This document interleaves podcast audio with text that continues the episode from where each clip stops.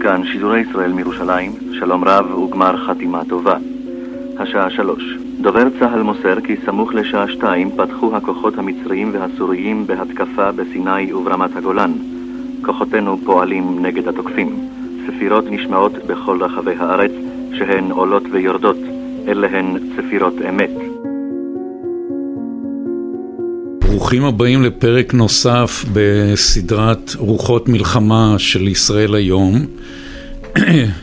כאן אמנון לורד, יושבים איתי עכשיו פרופסור זקי שלום, פרופסור אמריטוס מאוניברסיטת בן גוריון, מומחה לצדדים המדיניים של שנות ה-70 ערב יום הכיפורים, עומרי אדומי ודוקטור יניב פרידמן ממחלקת היסטוריה.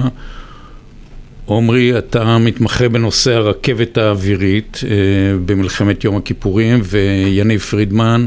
אני עוסק בצדדים המדיניים אחרי המלחמה, בעיקר הנושא של השהייה במובלעת והמגעים עם קיסינג'ר עד הסכם הפרדת הכוחות עם סוריה. מכאן אנחנו מבינים שהדיון הפעם הוא על, ה, אפשר לקרוא לזה, המעטפת המדינית, אסטרטגית של מלחמת יום הכיפורים.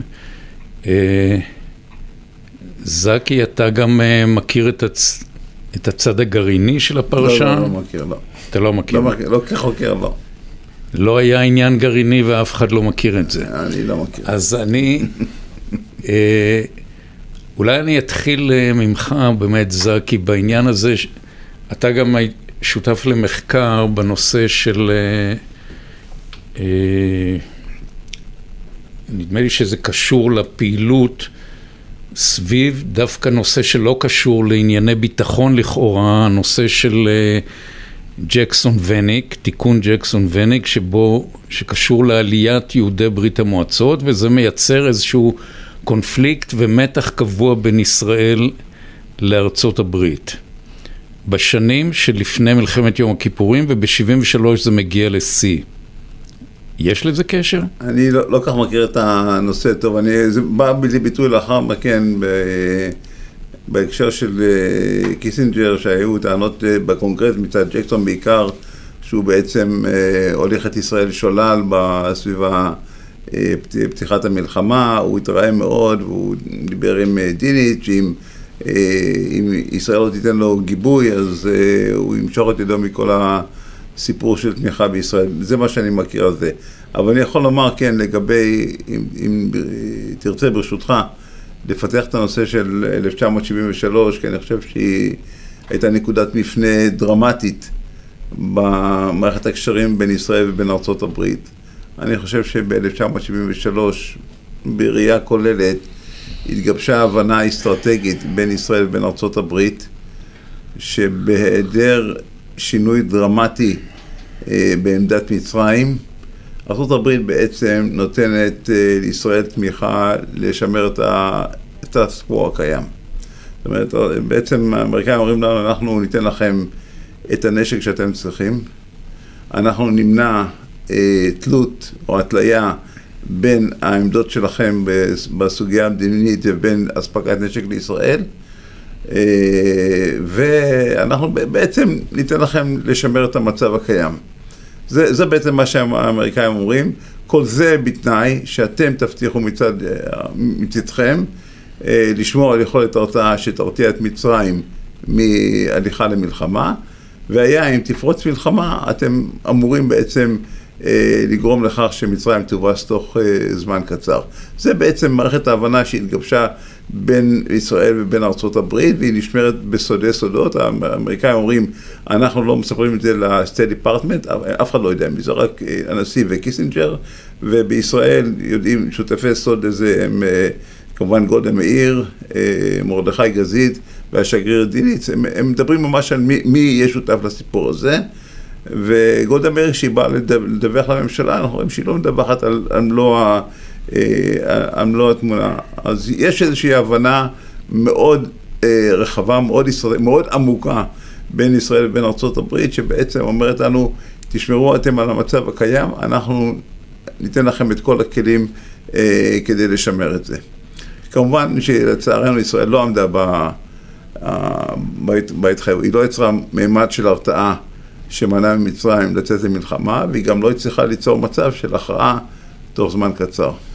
יניב, אבל ב-73 יש תחושה שכן יש מהלכים מדיניים, אז אני, הם אני, היו מהלכי סרק? אני, אני... חפז אסמאעיל וכולי. אני חושב, ש, אני, אני, אני חושב שהתשובה היא לא. אני חושב שהמחקר המודרני, ושזקי הוא חלק ממנו מהבנייה של המחקר, מתפתח, התפתח לאורך השנים עם הגילוי של מסמכים חדשים ועם הפרספקטיבה ההיסטורית שכל כך חשובה למחקר נכון, ואני חושב שהמחקר, גם שיואב מציג בספר שלו, וגם שחגי צורף וארנון בוינפלד מציגים במחקרים החדשים שלהם, מראים שדווקא הצד הסרבן למהלכים המדיניים היה דווקא הצד המצרי.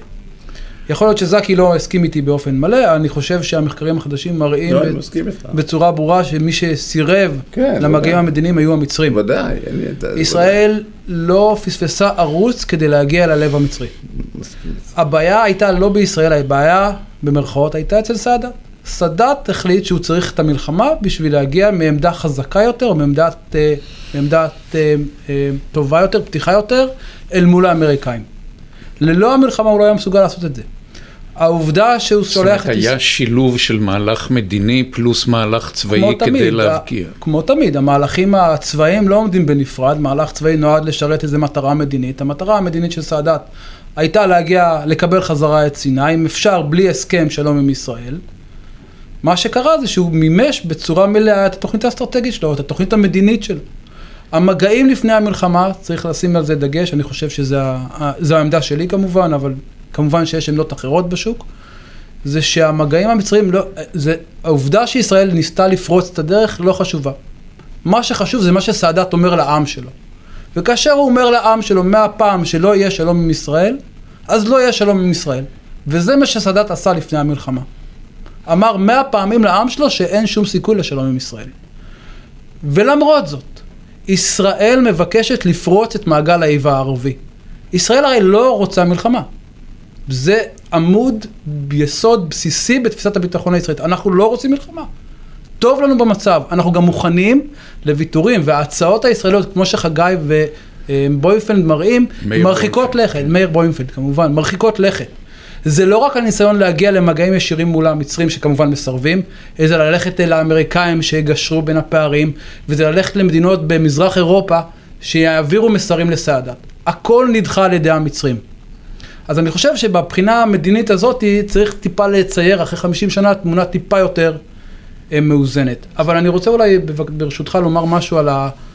המאבק האמריקאי הפנימי, וזקי ב, ב, ב, ב, בתחום הזה שולט בזה הרבה יותר ממני, החוק ג'קסון התנה כל התקדמות במשא ומתן בין ארה"ב וברית המועצות באפשרות שאותה מדינה תאפשר, ברית המועצות תאפשר ליהודים לעלות ממנה. הסובייטים סירבו. להפוך אותם ללקוח מועדף, אני חושב, בסך הכל. בדיוק. לסובייטים זה מאוד חשוב, כי הכלכלה הסובייטית מצויה בקשיים כלכליים גדולים מאוד בשנות ה-70, והם צריכים את החוק הזה. ישראל באותה תקופה אומרת, אבל אין לנו, זה, זה לא אינטרס שלנו. אתם לא מונעים, אתם מונעים מיהודים לעלות, ולכן מפעילים את גורמי הכוח בתוך הממשל האמריקאי לבדוק את העניין הזה, לא, לא לשחרר מיד. איפה זה בא בעיקר לידי ביטוי? אני חושב גם לפני המלחמה, עוד פעם זקי מכיר את זה בצורה מצוינת, בסופה של המלחמה בשנת 74.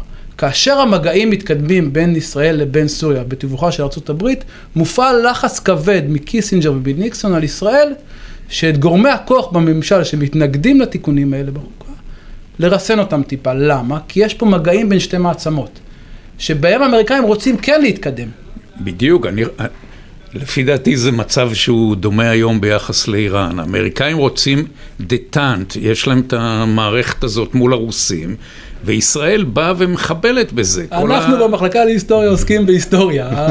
להיום, לא, עזוב את מה שקורה היום. להיום. אבל בדטאנט של שנות ה-70, נכון. ישראל באה עם תיקון ג'קסון וניק, שמתייחס לנושא של העלייה מברית המועצות. וניקסון רואה בזה חבלה ב... ישראל... בכל המבנה שלו.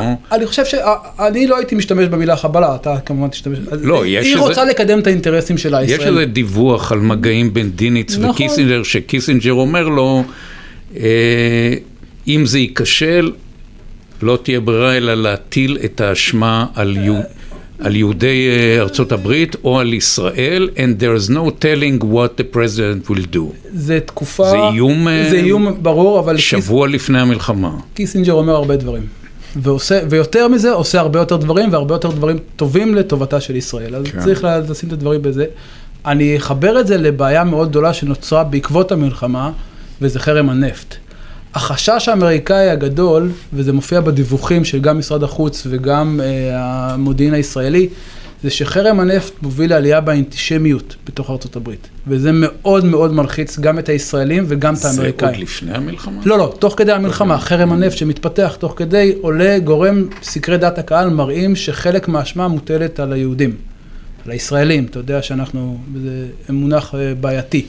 אה, וזה מאוד מאוד מלחיץ אותם, וזה מתחבר גם לסוגיה שאתה העלית. האמת היא שיש שם, יש איזה תמלילים של שיחות בין ניקסון ל- לקיסינג'ר, שהוא משתמש שם בביטויים ממש אה, קיצוניים, כן? נשיא ארצות אה, הברית אומר מה שהוא רוצה, מתי שהוא רוצה, נכון, נכון. לא, בעניין הזה, ברור, אני. רוצה שהם יצרכו כמו חזירים נכון, שוטים. נכון, או משהו. יש לו, הוא היה אדם צבעוני. אולי נעבור, נתחיל לטפל בנושא הזה של הרכבת האווירית, שזה בעצם, אה, זה נובע קודם כל ממה שבוועדת אגרנט, אה, נדמה לי השופט לנדוי אה, כינה תסביך דה גול. זאת אומרת, יש לנו אמברגו ממש ערב מלחמת ששת הימים, וחלק גדול מהמהלכים של הקברניטים המדיניים ערב המלחמה נובע מהחשש מהאמריקאים בעצם, מה, איך האמריקאים יתייחסו אלינו לפ... אם יקרה תרחיש כזה או אחר. כן, אז אני, אני מניח שאתה מכוון לדיונים שלפני המלחמה, שבעצם החשש מזה שאם אנחנו נהיה, כן, ניתן כן. את המכה בי- המקדימה, בימים של ערב אה, כן, המלחמה, מה- ושצריך להתיישר עם האמריקאים, שהם יבינו כמונו. אה, אני חושב שאומנם בזה אני פחות אה, עוסק באותו אותו מאמר שהתפרסם בקרוב, אבל יש, הנקודה היא זה שבאמת הדרג המדיני חושש שאם בעצם אה, אנחנו שוב ניתן את המכה המקדימה כמו בששת הימים, אה, צריך לזכור, אגב, בפרספקטיבה, אנחנו גם נתנו את המכה המקדימה, או לא משנה, ברמה המדינית גלובלית לא יצאנו הכי טוב, נגיד גם במבצע קדש, אז, אה, אז בעצם אנחנו ניתפס כצד, כצד התוקפן. וכשזה בא אל מול מה שיניב אמר בצדק, התפיסת הביטחון הישראלית של השאיפה לישראל לשלום, אז איכשהו זה לא נראה טוב אה, כלפי חוץ, ולכן אנחנו, אה, יש איזו הבנה שצריך... אה, הנושא הזה של סיוע צבאי תוך כדי המלחמה, זה היה בתוך, בתרחיש הישראלי? ודאי שכן, אבל לזה. בדיונים בש- בשישי באוקטובר, כשעולה הנושא של, ה, של המכה מקדימה, אז גולדה ודיין אומרים, אנחנו נצטרך את האמריקאים, אנחנו נצטרך כן. אותם. ולכן זה אחד, אחד השיקולים. דרך אגב, קיסינג'ר, בוא נגיד בצורה עדינה, לא אומר אמת. זאת אומרת, הוא אחר כך טוען שהוא בכלל לא הפעיל לחץ על ישראל. בנושא המכה בשעה שהמסמכים, אני מראים שהוא כן הפעיל ובגדול. אה, מה שמראה כמה, את המוגבלות של היכולת שלנו להבין באמת מה שקרה. כי אתה, אתה רואה שמנהיגים, אתה, אני, אני אומר, גם אם ייפתחו כל הארכיונים, כמו שצורף אומר וזה, לא נדע את האמת בסוף. כי גם מנהיגים לא תמיד אומרים את האמת, אתה יודע את זה. אה, טוב, אני רוצה עוד נקוד, נקודה אחת. תראה, אני חושב שברגע שקיסינג'ר הבין שישראל לא הצליחה, לא הצליחה ל... אנחנו כבר בתוך המלחמה. כן, בש- אני אומר בשישי באוקטובר, הוא כבר מבין, בשישי באוקטובר, למעשה בשביעי, בדיונים שלהם, הם הם אומרים, א', ישראל הופתעה, ב', אה, הוא אומר, אה, דו-שיח בינו לבין קולבי, ראש ה-CIA, שתוך יומיים שלושה ישראל תנפנף אותם. ברור שזה לא מתממש, אבל אתה רואה שלמעשה מהשעות הראשונות הוא מפנה כתף קרה לישראל. זאת אומרת, אתה-. מהשעות הראשונות של המלחמה? מהשעות הראשונות, בעובדה הכי פשוטה, אם אתה מדבר על יחסים מיוחדים, יחסי ברית, מצפה מבן ברית שלך שירים טלפון לדרג הכי בכיר בישראל ויגיד לו מה אתם צריכים. כל, כל הדו-שיח מתנהל בין מרדכי שלו ואחר כך דינית שחוזר מהלוויה של אבא שלו. זאת אומרת, אתה, אתה רואה שהצד האמריקאי לא בא ומחבק ואומר, תגידו מה אתם צריכים, אנחנו נעזור לכם. זה לא, זה לא מתחיל ככה.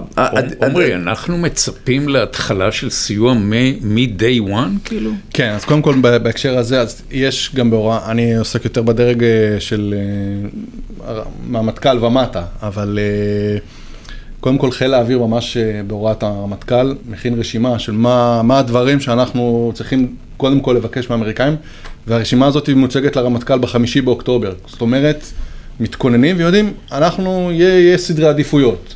זה שזה עוד לפני שיודעים איך תהיה המלחמה ומתי בדיוק היא תפרוץ. אה, אני, אני כן אגיד שאני חושב, יש על זה המון מחלוקת במחקר, וזה גם ניואנסים שכמו שיניב אמר, שלא בטוח שגם התמלילים יעזרו לנו להבין אותם יותר או פחות. אה, שאחת הטענות היא שבעצם האמריקאים לא כל כך אה, רצים לעזור לנו, כי גם אנחנו משדרים איזה, בסדר, כמה שעות ואנחנו נלמד את הערבים האלה לקח. עוד גישת אה, ששת הימים, מה שנקרא, שמשתנה באמת אחרי השמיני באוקטובר. זאת אומרת, אנחנו עד השמיני באוקטובר חיים ב- לפי התסריט שזקי הציג אותו, שמסיימים את המלחמה במהירות. ו... אתה יודע, אחת הראיות לזה שביקשו דחייה של מועצת הביטחון, ישראל מבקשת דחייה, כי היא פוחדת שתהיה הפסקת אש. אנחנו נעזור לכם למשוך את, את הזמן, כי, כדי, כי הכוונה היא שאתם תנפנפו אותם תוך יום-יומיים. הוא צודק, אחרי זה מגיעים לשביעי שמיני אתה שלא מצליחים ל... לממש את, ה... את היכולת הזאת. אבל פה אני, יניב פרידמן, אה, בעניין הזה של הנושא המדיני, זקי הציג איזה דיל שכאילו היה קיים לפני המלחמה, אבל לפי מה שאתה אומר, מהרגע ש, שפרצה האש, מת, קיסינג'ר מתחיל להתנהג כמי שהתגלגלה אליו הזדמנות לגלגל לא, כדור. לא, לא, הוא, הוא, הוא מבין שישראל בעצם לא עמדה בדיל. ישראל לא עמדה בדיל לצערנו. כבר ביום הראשון? ודאי, מה, ביום הראשון, קודם כל הייתה הפתעה. קודם כל המודיעין לא, לא מימש את הציפיות. המודיעין הישראלי לא הצליח לזה, הוא הופתע. בעובדה, אחר כך הם מאשימים אותנו בזה שאנחנו גרמנו לזה שגם המודיעין האמריקאי הופתע. קיסינג'ר אומר לראש הממשלה, אנחנו היינו בפאניקה. אנחנו היינו בפאניקה מ-1 באוקטובר, באנו אליכם, שאלנו מה קורה, אמרתם אל תדאגו, הכל בסדר, אין שום דבר. זאת אומרת, הוא, הוא, הוא, אה, הוא התחיל גם להאשים אותנו בזה שאנחנו גרמנו לכישלון האמריקאי בהערכת המצב. כן, זה, זה, מדו, זה מדויק, זכי צודק במאה אחוז. האמריקאים, המודיעין האמריקאי נסמך מאוד על אמ"ן. אמ"ן שידר עד אה, יומיים לפני המלחמה שלא הולכת להיות מלחמה והכל בסדר, ואנחנו מכירים את ההיערכויות. והאמריקאים לקח להם גם אה, שלושה, ארבעה, חמישה ימים למעלה, בעיקר מהשמיני באוקטובר, ברגע שנכשלה מתקפת הנגד בדרום, להבין שזה לא ששת הימים מחדש. אז ופה... מה קיסינג'ר עושה אחרי השמונה באוקטובר, כשהוא מבין שהוא... מה, הוא מנסה לביים את המלחמה לא באיזושהי מנס... צורה? הוא, הוא מנסה להרוויח, הוא מנסה להשתמש במלחמה לצרכים אמריקאים. אני חושב שזו ההגדרה הנכונה ביותר. הוא לא רוצה שישראל כמובן תפסיד, הוא... אבל הוא רוצה שהיא תשלם מחיר, הוא, הוא אומר את זה במפורש. הוא רוצה, נכון, הוא לא רוצה שיש... ישראל צריכה לשלם נכון. מחיר, הוא אומר את זה במפורש. צריכה לדמם.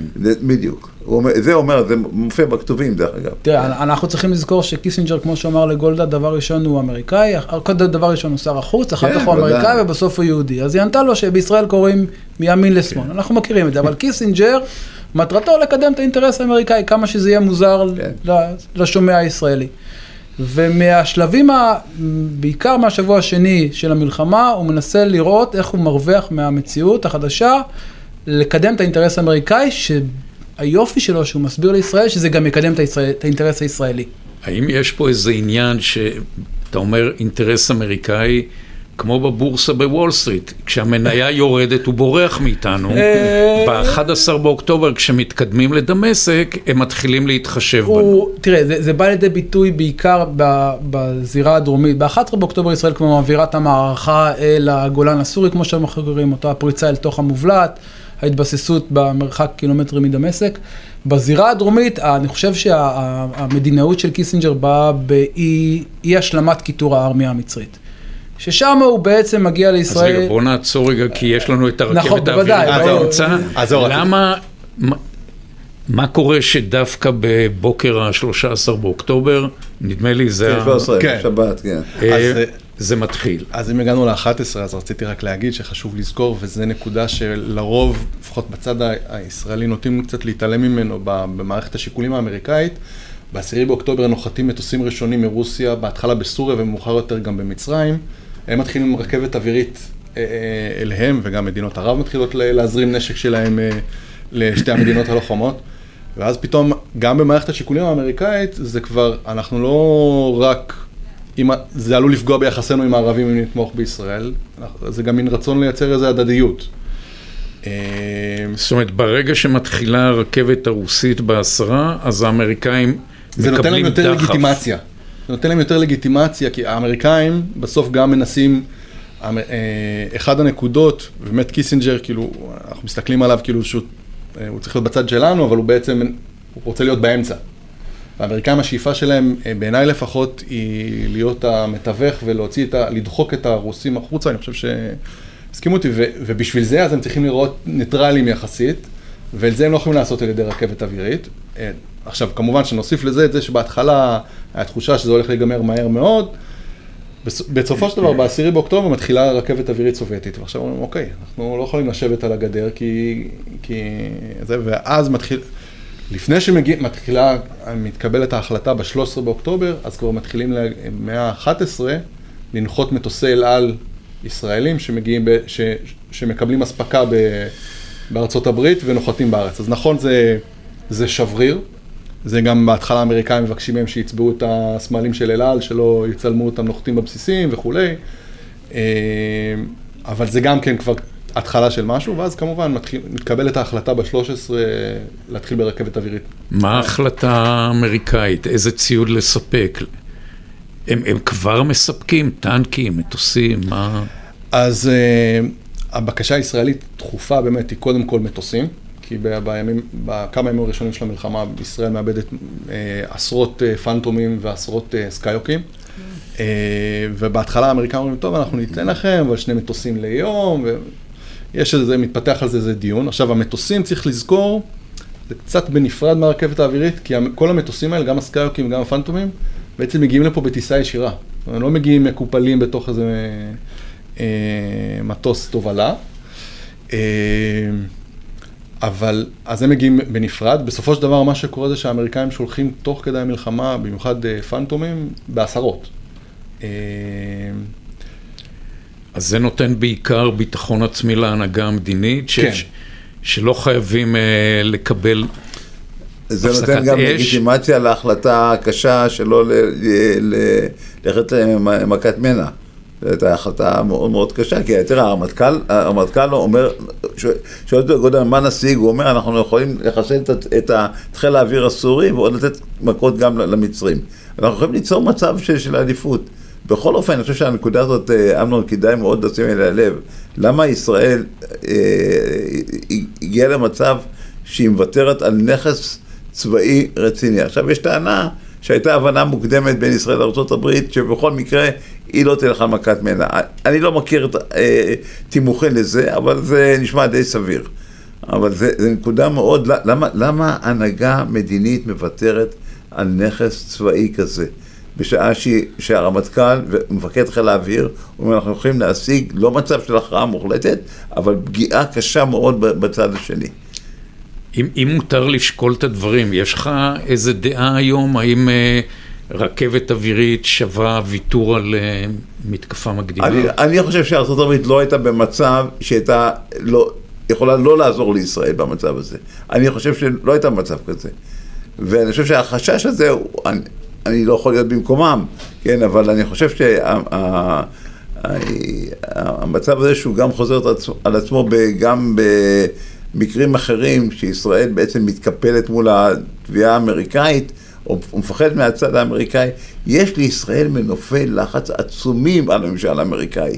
אני לא רואה מצב שישראל נמצאת במצב מלחמה והיא בבעיה, ובגלל זה שהיא נתנה מכה ראשונה, אז uh, הם לא יספקו לנו. אני לא חושב שיש מצב כזה. אז בעצם מה שאתה אומר, שזאת הייתה טעות גורלית. אני חושב, כן. ודאי. מה אתה חושב, יניב? אני אשמח על, על מה שהרמטכ"ל ומפקד חיל האוויר אומרים. לא אני אומר, הם אומרים את זה. אבל הרמטכ"ל ומפקד חיל האוויר, השיקולים שלהם הם צבאיים. כן. וזה התפקיד שלהם, לשקול את השיקולים הצבאיים. הדרג המדיני צריך לשלול, לשקול את השיקולים הרחבים. החלטה קשה, אני לא הייתי רוצה להיות יום אחד בנעליים שלהם, ואני מעדיף לשבת פה באולפן ולהסתכל מאחורה על הקבלת ההחלטות שלהם. אני דווקא חושב שזו החלטה הייתה סבירה. אני חושב שההחלטה הייתה סבירה. מול אה, איום אמריקאי, אה, זקי, די מובהק, שאם אתם תפעלו ראשונים אנחנו לא נעזור לכם, ואיומים אמריקאים קודמים בעבר, שאם אתם תפעלו בלי אור צהוב אמריקאי, ארה"ב יודעת מה לעשות, למרות כל מנופי הלחץ הישראלים. זו החלטה סבירה, אה, שלא מנותקת מהקרקע, קרקע המציאות. יש שאלה. אחרת שקשורה לזה, הרי כן. אנחנו, יום קודם אנחנו שולחים שדר לקיסינג'ר. שאנחנו לא תוקפים, אם אנחנו יודעים כן, שהערבים כן, מתכוננים, לקיסינג'ר, אנחנו. אומרים אנחנו לא תוקפים. כן. אה, מה הרווחנו מזה בעצם? אני, אני חושב שהרווחנו אה, אה, מהר מאוד את הרכבת האווירית. ו- ה- ואם אנחנו אומרים שאנחנו לא תוקפים בעצם, למה הכנו מתקף- מתקפה אה, מקדימה? צה"ל צריך להיערך לתמיד. צה"ל צריך, לה... תזכור שבערך עד, הש... עד החמישי, הרביעי באוקטובר, לא היינו בטוחים בכלל שתהיה מלחמה. הסימנים היו... אז אולי האסטרטגיה הייתה עד הרגע האחרון למנוע מלחמה. אנחנו לא רוצים, ישראל לא רוצה את המלחמה. ישראל לא רוצה, הוא ישראל לא- באופן מובהק, ישראל ישראל לא לא רוצה מלחמה, מלחמה, היא שלא. מעדיפה, ל- היא העדיפה אז, ואני... היא לא רוצה את המלחמה. אבל הזאת, אני אגיד לא לך, רצתה. אמנון, אני- אה, סליחה, לא, בבקשה. אני אומר שאתה רואה את המכלול הכולל של יחסי ישראל-ארה"ב, לאורך כל, מ-48' ועד היום, כמעט בכל כל, כל צומת של הכרעה אסטרטגית היינו במחלוקת עם ארה"ב. כמעט, אני לא רואה איזשהו נושא אסטרטגי שישראל עסקה בו. בסופו של דבר, האמריקאים העריכו נחישות שלך. ראיתי את הנושא של, של דימונה. הלכנו נגד האמריקאים. נכון. בסופו של דבר, שעשית עובדה, עובדה, הצבת מולם עובדה, הם העריכו את זה והלכו לקראתך, וחתמו איתך, לא חתמו, אבל הם הגיעו איתך להבנה. גם ב-67 גם למעשה. ב-67, נכון. הוא אמר להם, "אל- אל- אם אתם תמריאו לבד, אז תנחתו גם לבד. אבל... ת- אה, כן. ישראל תש... לא תישאר לבד. לבד, בדיוק, אלא אם כן תפעל כן. לבד. נכון. אז אם אתם רוצים שנהיה איתכם ב- ב- ב- ב- בנחיתה, תהיו איתנו בהמראה, זה מה שהוא אומר. אבל מה שהתווסף זה הניסיון הזה, הטראומה אפשר להגיד, של האמברגו הצרפתי. פתאום אין לנו איך, להחלי... איך למלא את המטוסים. כן. צריך לשים את זה בפרספקטיבה, אני חושב, בדיוק בהקשר הזה, אה, מה שרציתי להגיד זה שזה... ארצות הברית בעצם בעשור הקודם עשתה הכל כדי לא להיות הספקית הנשק הראשית של ישראל, ואז רק אחרי האמברגו התחיל לספק לנו נשק. זאת אומרת, אנחנו רואים בראי 50 שנה שיחסי ישראל-ארצות הברית אה, מאז, אבל אז זה היה מאוד מאוד טרי, והמחשבה שזה עלול לאבד בגלל החלטה מדינית כזו או אחרת, היא הרבה הרבה יותר חזקה לדעתי, מאשר אה, מצב כזה או אחר היום. אז זה יהיה נכון להגיד שהחל מה-13 באוקטובר ישראל מפתחת אה, תלות הרבה יותר חזקה בארצות הברית מאשר אי פעם אה, היה. כן, אבל מצבה, כמו שנאמר פה, הוא הרבה יותר טוב. תראה, אני למה אתה מתפלא? כבר ב-56, שבן גוריון פוחד מבצע כדי שמה יחתימו אותנו כקולוניאליסטים, כן. אז הוא אומר אל תדאג, העולם אוהב מנצחים. בסוף כשאתה מנצח, כולם רוצים להיות חברים שלך. זה, זה, זה הכלל. מה-13 והלאה, יש כבר תזוזה, זאת אומרת, הצד האמריקאי כן רוצה לה- להתחבר אלינו יותר. כשהיינו בצד המפסיד, הוא הראה לנו כתף קרה, כמו שאמרתי. אה, בפירוש לא, לא נטה להתנהג כמו שמצופה ממישהו שמוגדר בן ברית. לא, ממש לא. אז זאת באמת שאלה, כי אני, נדמה לי שאפרים הלוי פעם העלה את זה, שאם ישראל לא הייתה מנצחת או לא הייתה מגיעה למצב מסוים, האמריקאים היו זונחים אותנו. או מתייחסים אלינו כמו שצרפת מתייחסת לישראל, והשאלה היא איך הם בסוף יתייחסו אלינו, ב... אחרי, ש... אחרי הפסקת האש, האם הם יתייחסו אלינו כאל מדינה אז נכסית? אולי צריך רגע להגיע, אני חושב, אמרנו רגע לפני, ל- לאופן סיום המלחמה בחזית המצרית, ואחר כך אולי ניגע כן, בחזית כן, הצפונית, כן. וזה העובדה שהם האמריקאים מנעו מאיתנו את, ה- את אה, כיתור הארמיה המצרית. מהלכים מדיניים של קיסינג'ר שהתחילו אנחנו במוס- כיתרנו, אבל הם אה, לא יש- לא- דרשו מאיתנו אספקה. בדיוק. הם, קיסינג'ר במהלכים המדיניים שלו במוסקבה, ואחר כך כשהוא חזר לארץ, הוא מציג לגולדה את תמונת המצב, ומאיר באופן, אה, אני חושב, במהלך מדיני מאוד חכם לדעתי, מנקודת המבט שלה. מסכימה להצעה האמריקאית, בעצם מאפשרת את, אה, אה, את העברת המים והאספקה לארמיה המצרית. ומה שקורה, וזה אל מול מדיני, אנשי צבא שדורשים מהלך הרבה יותר מכריע בנקודה הזאת, והיא עושה בחוכמה. היא יודעת, היא מבינה, אחרי ההסבר של קיסינג'ר לדעתי, שאם יהיה פה ששת הימים שתיים, אנחנו לא נצליח להעביר את המצרים צד. אנחנו זה ארצות הברית כרגע. ולכן אנחנו צריכים לסייע לאינטרס האמריקאי, כי זה יסייע לאינטרס הישראלי. ולכן זו ה-23, 24 באוקטובר, שנגמרת בעצם המלחמה בחזית הדרום, היא בעצם נקודת מפנה, זקי ציין את זה קודם, במערכת היחסים הישראלית-אמריקאית. אבל לפה נוסף שחקן נוסף. באיזה אופן זה נקודת שחקן, מפנה מול האמריקאים? כי יש פה שחקן נוסף שנכנס לזירה. שחקן שעד אז היה אויב או יריב, ועכשיו הוא בתהליכים של מעבר אל המחנה המערבי, וזה סאדאת. ואם אנחנו לא נחבק אותו, אנחנו עלולים לאבד את האינטרסים שלנו במזרח התיכון. מה האינטרס האמריקאי הראשון במזרח התיכון? הגירוש של הסובייטים. ברגע שנוציא מפה את הסובייטים, המהלך של העברת מצרים אל המחנה המערבי משנה פה את התמונה המזרח תיכונית. את זה ישראל מבינה היטב, בעיקר ראש הממשלה, ולכן היא נותנת ולכן היא מסייעת למהלך האמריקאי. אתה, אתה מוצא הבדלים אה, בין הקברניטים הישראלים בנושא הזה? בין גולדה לדיין, אני... או בין גולדה ל... אני, לדדו? אני, אני חושב... אה, אה, זקי, אתה, אתה רוצה? כן, אני, תראה, גולדה ודיין מתואמים לחלוטין. אין, אני, אני לא רואה שום כן. אה, פער ביניהם, שניהם מתנגדים בצורה... מאוד מאוד משמעותית לנושא של מכת המנע. ואני אומר, בסופו של דבר יש נקודת אור. לא, אבל בנושא של ארמיה שלוש. לא, לא ראיתי שום דבר שהוא פער ביניהם. לא ראיתי, הם הולכים יד ביד. אבל יש נקודת אור שכדאי והיא גם חשובה לימינו אלה. אני חושב שזה אולי המקרה, אני לא יודע, אולי האחרון שבו דרג מדיני כופה את דעתו על הדרג הצבאי. בצורה... כי הדרג הצבאי רצה לסיים את זה בהשמדה של, ה... אני, של אני הכוח ש... המצרי. כן, אני חושב שכן, אני חושב שכן, אבל אני, ואני חוזר חזרה גם לנושא של השישי באוקטובר, הנושא של מכת מנע, שדרג מדיני אומר לדרג צבאי, תעצור עד כאן, כמו שאמר בצדק, לי יש שיקולים יותר גדולים משלך. אגב, בעניין השיקולים, שוב, אם לחזור ל... לשעת הטרום אפס של המכה המקדימה, אם אנחנו אומרים לאמריקאים אנחנו לא תוקפים, למה למה גולדה לא אומרת ישירות לדדו ולבני פלד, אין לכם מכה מקדימה, תתכוננו למהלך אחר? היא אומרת להם את זה.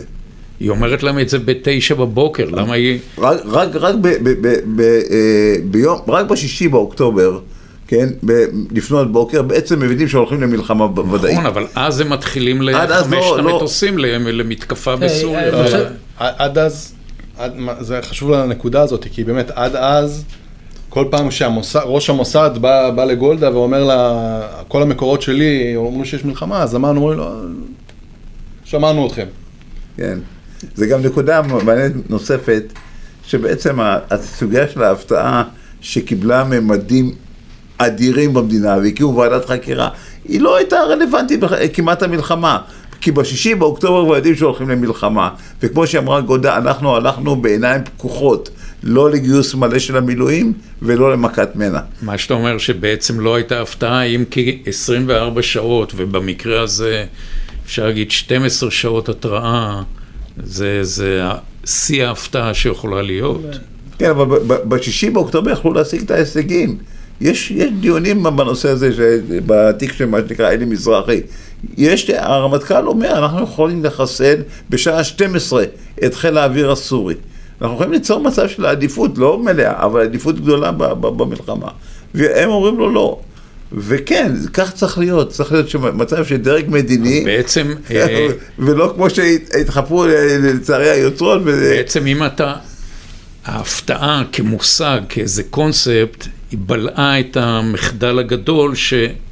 שלא עשו את מתקפת ממנו.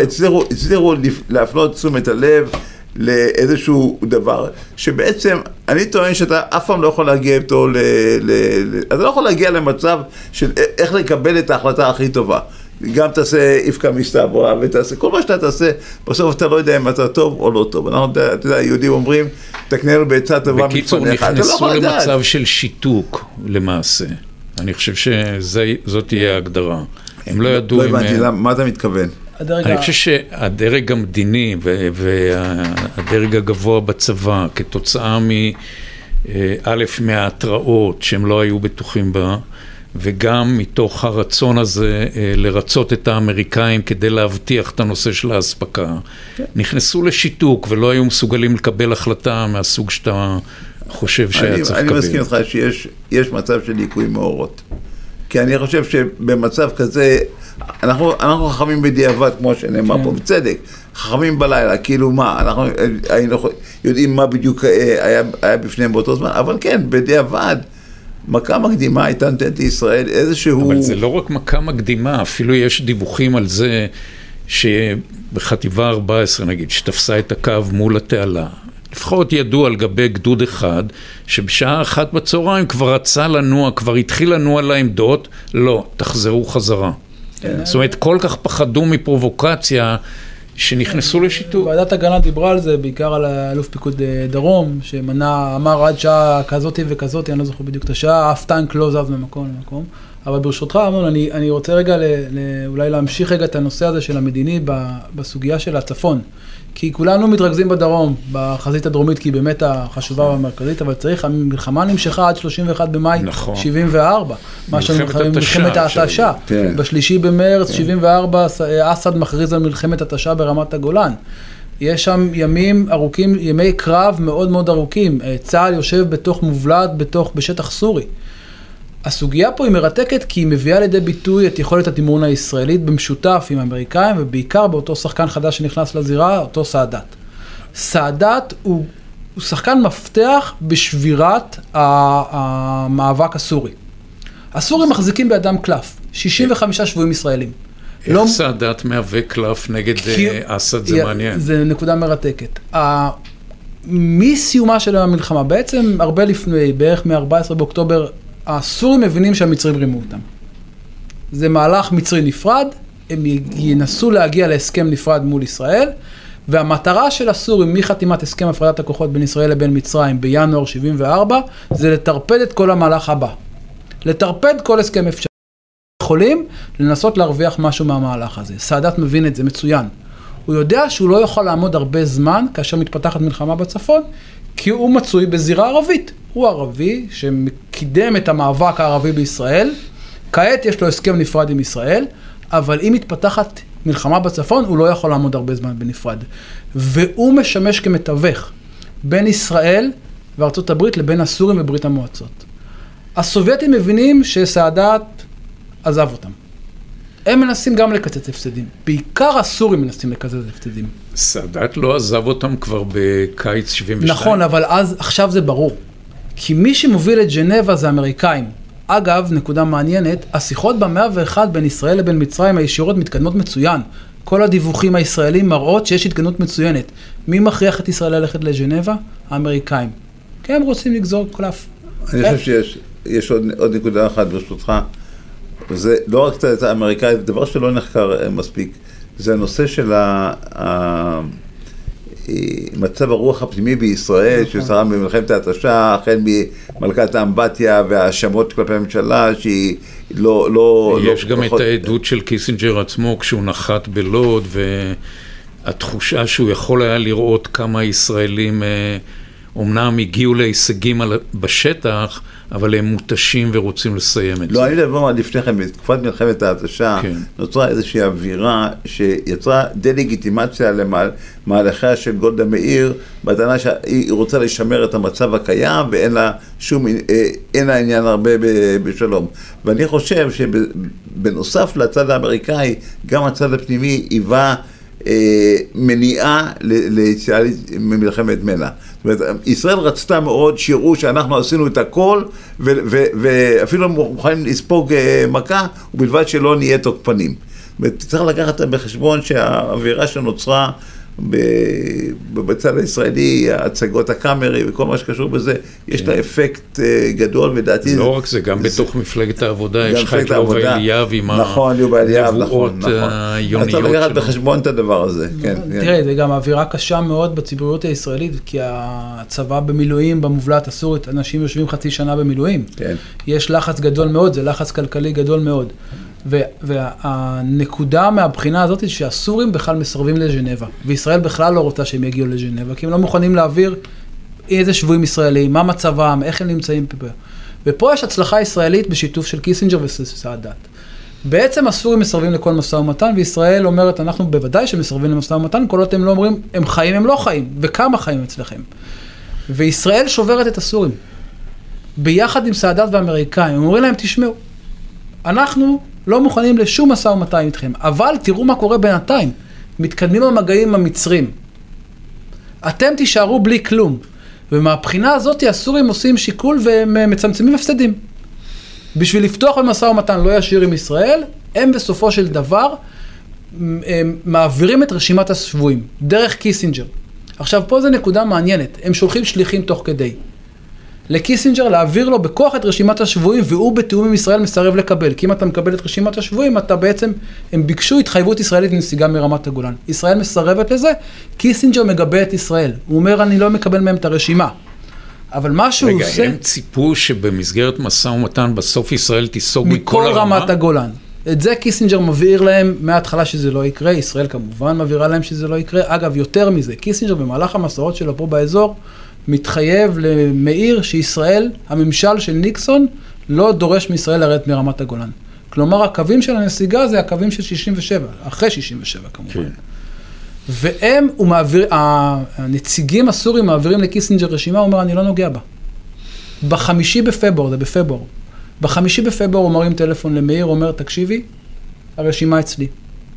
ה-65 שבויים ישראלים, הוא עובר דרך קודם השגריר הישראלי, הוא אומר, הרי הרשימה אצלי, אבל הם חיים, אבל זה לא רשמי, אל תספרו כמובן, ובעיקר אל תספרי למי? לשר החוץ. אני רוצה להעלות פה את...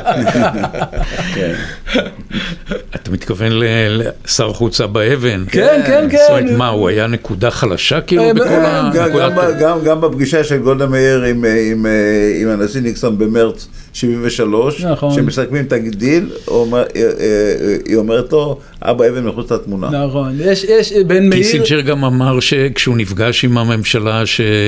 שממשלת ישראל יש איזה שמונה ראשי ממשלה, או, ש... או שמונה שרים שרוצים להיות ראש, ראש אנקדוטה, הממשלה. זה בדיחה שמאיר סיפרה אותה, כשהיא התפטרה אחרי, באפריל 74, אחרי אגרנט, אז מגיע אליה אבא אבן, אה, אין, אדם עתיר זכויות, אומר לה, אני מתכוון לרוץ להיות ראש הממשלה. אז היא שאלה אותו של איזה מדינה. מעניין אבא לא, אבל אבא אבן גם פספס את, השדר של יום שישי, אי אפשר היה להשיג נכון, אותו. נכון, נכון, נכון, אבל כן, משרד החוץ הישראלי באותה תקופה, המנכ"לים היו מאוד, המנכ"לים והשגריר בוושינגטון היו מאוד, חזקים כן. ומאוד מקורבים אז אם אנחנו. מדברים על מרדכי גזית באמת, שהוא כאילו בציר ישיר ל- כן. לגולדה מאיר, זה נושא אחר לגמרי, אבל הוא מקביל למשאים ומתנים האלה. לאורך 73 יש מגעים ברמי דרג עם הסובייטים, בווינה. כן, כן, שתיים, שלוש פגישות רציניות, כן, אה, מול פרימקוב או משהו? כן, כן. כן, פרימקוב. מרדכי גזית, מה זה היה שווה? אפשר היה לעשות עם זה משהו? לא, אבל תראה, יש, יש את האווירה ש... אה, אני כותב על זה עכשיו של אה, דטנט, התפיסה ש, תפיסה שהולכת, יש אווירה של הידברות בין אה, ארצות הברית וברית המועצות, וששתי המעצמות הגיעו למצב שאומרים, אנחנו חלוקים בדעותינו על הדברים, אבל אנחנו מסכימים שהכל ייפתר בדרכי שלום.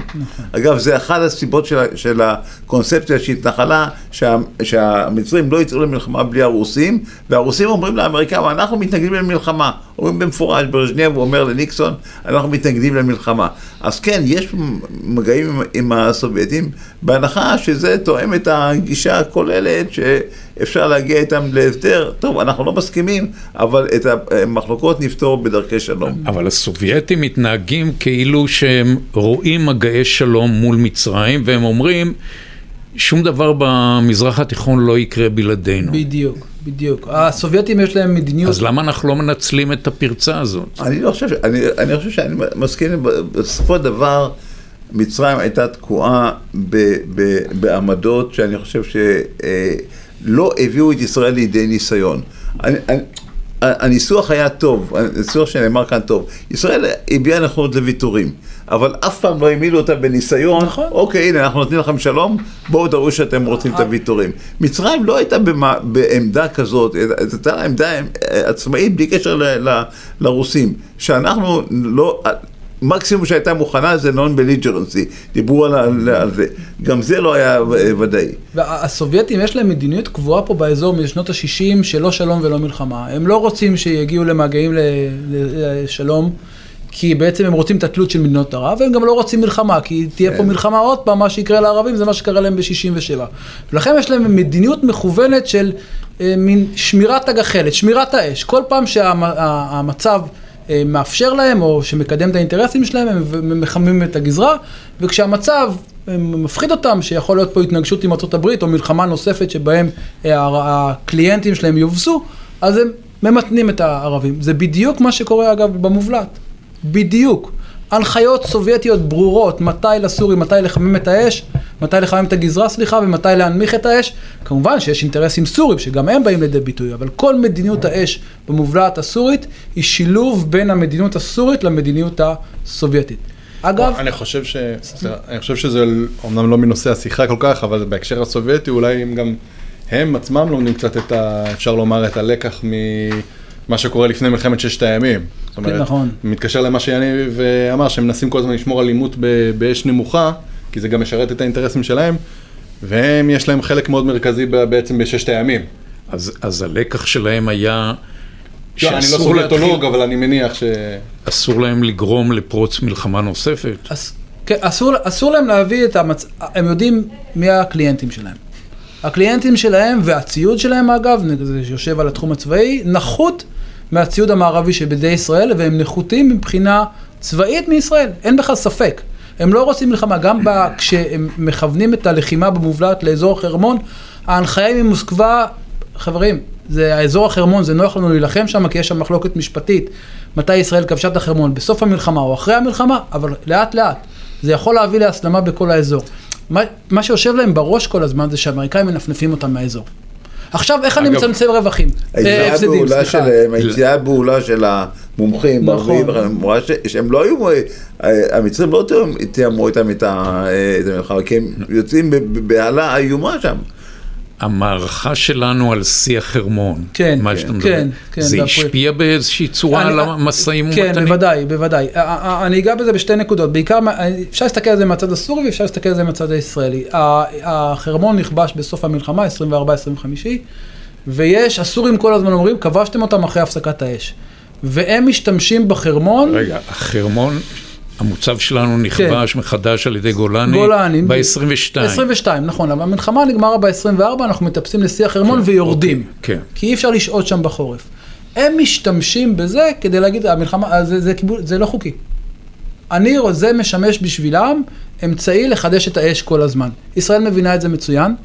החורף בשנת 74 הוא חורף קשה, קשה מאוד. מאוד. אי אפשר לשהות בשיא החרמון. ולכן ישראל מחכה לקיץ כדי להגיע לשם. וכשהיא מגיעה לשם בקיץ, היא מגלה שיש שם חיילי קומנדו סורים. והיא מבינה יותר מזה, היא מבינה שהסורים לקראת סיום המשא ומתן על הסכם הפרדת הכוחות איתם, מנסים להשיג נקודה שתהווה בשבילם הישג אסטרטגי מקומי. ואנחנו מגרשים אותם. מגרשים אותם בהצלחה, בגיבוי אמריקאי. עכשיו, יותר מזה, כשהלחימה שם מתלקחת ויש שם עימותים שגולשים לתוך המובלעת, מי שאומר ואומר לסורים, חבר'ה, לאט לאט, זה סאדאת. סאדאת מפחד שהלחימה תסלים במובלעת לכדי מלחמה. במלחמה כזאת הוא לא יוכל להישאר מהצד וזה יסכן אותו. יסכן את כל מה שהשיג מול ישראל. אגב, הסורים מבינים את זה מצוין. השליח של אה, סאדאת זה ידידנו אשרף מרואן. הם אומרים לו, אתה מפריע לנו להשיג הישגים. אתה מפריע לנו להשיג הישגים אל מול ישראל, והוא אומר להם, הוא אומר לישראל וארצות הברית, אני לא רוצה שהסורים ישיגו הישגים. אני רוצה שאתם תשיגו הישגים. אבל בשביל זה צריך לכוון את האש. האם אפשר להגיד, אם מדברים על הישגים, שההישג הצבאי שלנו בצפון לא היה מספיק כדי אה, להכריע את הסורים, או אני- להביא אותם ל- להסכמות מדיניות לפני המניפולציות האלה שאתה מדבר אני עליהן? אני חושב שישראל השיגה את המטרות שלה, גם המדיניות, בחזית הצפונית בצורה מלאה. רשימת השבויים הועברה לישראל ללא שום ויתור ישראלי. נפתח משא ומתן ישיר בין ישראל לבין סוריה. שברנו את חרם הנפט הערבי. אנחנו, ארצות הברית. בסאדאת. הופצץ לכם המטכ"ל הסורי. במהלך זה- המלחמה הופצץ המטכ"ל הסורי. מה הסורים קיבלו? סליחה. זה צעד אסטרטגי צבאי. מה הייתה ההשפעה של זה מבחינת החשיבה הסורית על כל המלחמה? אני- אתה לא יכול לכמת דברים כאלה, אבל אתה יכול להניח שדבר כזה, שבדיונים אתה רואה שישראל פוחדת מתגובה אמריקאית על, על צעד כזה. נכון, וכש- נכון. וכששואלת אה, גולדה דיניץ, אחרי, אחרי ההתקפה, האם קיסינג'ר הזכיר? הוא לא הזכיר את זה בכלל. זאת אומרת, האמריקאים קיבלו את זה בהרבה יותר הבנה ממה שאנחנו חשבנו. ו- נדמה לי זה- שדיניץ אפילו מעיר אותו בבוקר כדי ל- לבשר לו את זה, שלא יקרא את זה בעיתונים. כן, כן. אבל קיבלו את זה ב- בשוויון נפש. אה, אבל אני, אני, אין ספק שמהלך כזה, הפצצת המטכ"ל הסורי בלב הבירה הוא מהלך אסטרטגי ממעלה ראשונה. צריך לזכור שזה מדובר, גם מצרים ובמיוחד סוריה, מדובר בעצם בש, בשתי דיקטטורות צבאיות שמערכת השיקולים שלהם היא שונה קצת מאצלנו והרבה פעמים זה ה... שימור המשטר זה בעצם אה, הדבר פקטור ש- מרכזי מאוד, ובהקשר הזה גם פגיעה במטכ"ל, בלב דמשק, וגם אחר כך שאנחנו יכולים לאיים על דמשק גם אה, יבשתית, כן. זה מאיים על המשטר פנימית, זאת אומרת אפילו כרגע מול ישראל, זה אנחנו יוצרים על... אה, אני- אני- אני מסכים גם עם... אני. מציע שנחתור לסיום ותן לנו איזה סיכום. אני- הסיכום שלי... איזה, איזה, איזה הישג מדיני, אה, בוא נגיד, זקי הציג אפשרות של את, מה, את הדיל הראשוני של ישראל עם ארצות הברית להכרעה מהירה ושימור המצב הקיים. במקום זה אנחנו מקבלים מלחמה ארוכה, אבל עם איזו סיומת די ברורה ש, שמתגלגלת למהלך מדיני. אז אני חושב, אני אם הייתי מסתכל על, ה- מבחינתי הסיומה של מלחמת יום כיפור הוא ה-31 במאי 74, בחתימת הסכם הפרדת הכוחות עם סוריה. ואני הייתי מסתכל על זה, כי יש פה ש, שלוש מדינות שבעצם השיגו את היעד האסטרטגי המדיני שלהם. שחקן אחד, או מדינה אחת שהשיגה איזה הישג מקומי, ומעצמה שהפסידה בהפסד מדיני. השחקניות שהרוויחו, המדינות שהרוויחו זה הברית, ישראל ומצרים. מצרים עמדה ביעד המדיני שלה, ישראל עמדה ביעד המדיני וחלק ממנו, ביעדים, בחלק מהיעדים הצבאיים, ומ- וארצות הברית השיגה את ההישג האסטרטגי שלה בגירוש הסובייטים מהאזור. והרווחנו 49 שנים שקטות אה, בצפון. בצפון, ובעיקר, תזכור שעד 73 אין מלחמה אל מול ישראל בלי מצרים. אין. כן. הוצאת המדינה הגדולה של ממעגל האיבה אל מול ישראל זה הישג אסטרטגי ממעלה ראשונה. עכשיו, הסורים, מהבחינה, איפה שאני רואה אותם, הם לא מתאבדים. כלומר, הם הבינו טוב מאוד שהם הולכים להפסיד את המערכה, גם הצבאית וגם המדינית אל מול ישראל, ברמת הגולן. וקיזזו הפסדים. בסופו של דבר, מה הם קיבלו? את המובלעת ואת קונטרה. אני לא הייתי הולך, לא פספסתי שום דבר בנופש בקונטרה לדעתי. לא, כלום לא הפסדתי. זקי, יש לך כן. איזה סיכום למערכה הסיכום הזאת? שלי הוא ש- שלצערי, אה, מדינת ישראל, בוא נגיד כולה, אבל בעיקר הדרג הצבאי, לא מילאו אחרי הדוקטרינה של בן גוריון, שמההתחלה ואמר, ישראל צריכה להיות ערוכה להגן על עצמה בכוחות עצמה כנגד כל תרחיש שיבוא. ישראל לא עמדה בזה. זה, וזה, המסקנה לימינו אלה, שיש לך בן ברית, בסדר גמור, יש, יש בן ברית, אבל בסופו של דבר אתה צריך להיות ערוך ל, ל, למצות את, ה, את היכולות שלך, ל, לעמוד נגד איומים נגדך בכוחות עצמך. לצערנו, לא עמדנו בזה, צריך להגיד ביושר, לא עמדנו בזה 73, ושילמנו על זה מחיר גדול. זאת אומרת, אנחנו שילמנו מחיר גדול ביצירת תלות, בפגיעה קשה מאוד ב, ב, ביוקרה של אה, צה"ל, וכמובן בהערכה כלפינו. אנחנו לאט לאט יצאנו מזה, אני לא בטוח שיצאנו מזה גם היום, כן? אבל זה לקח לימינו אלה, לעולם לא להיות תלויים במישהו אחר בביטחון שלך. לעולם לא להיות. גם בן ברית הכי טוב, בסופו של דבר ינסה לנצל את החולשה שלך לצרכים שלו. כל אחד יש לו אינטרסים שלו. אני, אני מציע שנסיים בזאת, זו אמירה קצת פסימית, פסימי אל מול לא, האופטימיות זה של תלוי בנו, אני יניב. אומר, זה להפך תלוי בנו. לא, אנחנו כי- צריכים לפתח יכולות כאלה, יש לנו יכולות כאלה. אבל ראינו שלפחות ממערכה כזאת אפשר גם להוציא הישגים מדיניים, ויש את, ה, את השקט מול הסורים, לא מול לבנון, ואת אה, הסכם השלום עם מצרים. תודה רבה לכם. תודה, תודה רבה, תודה.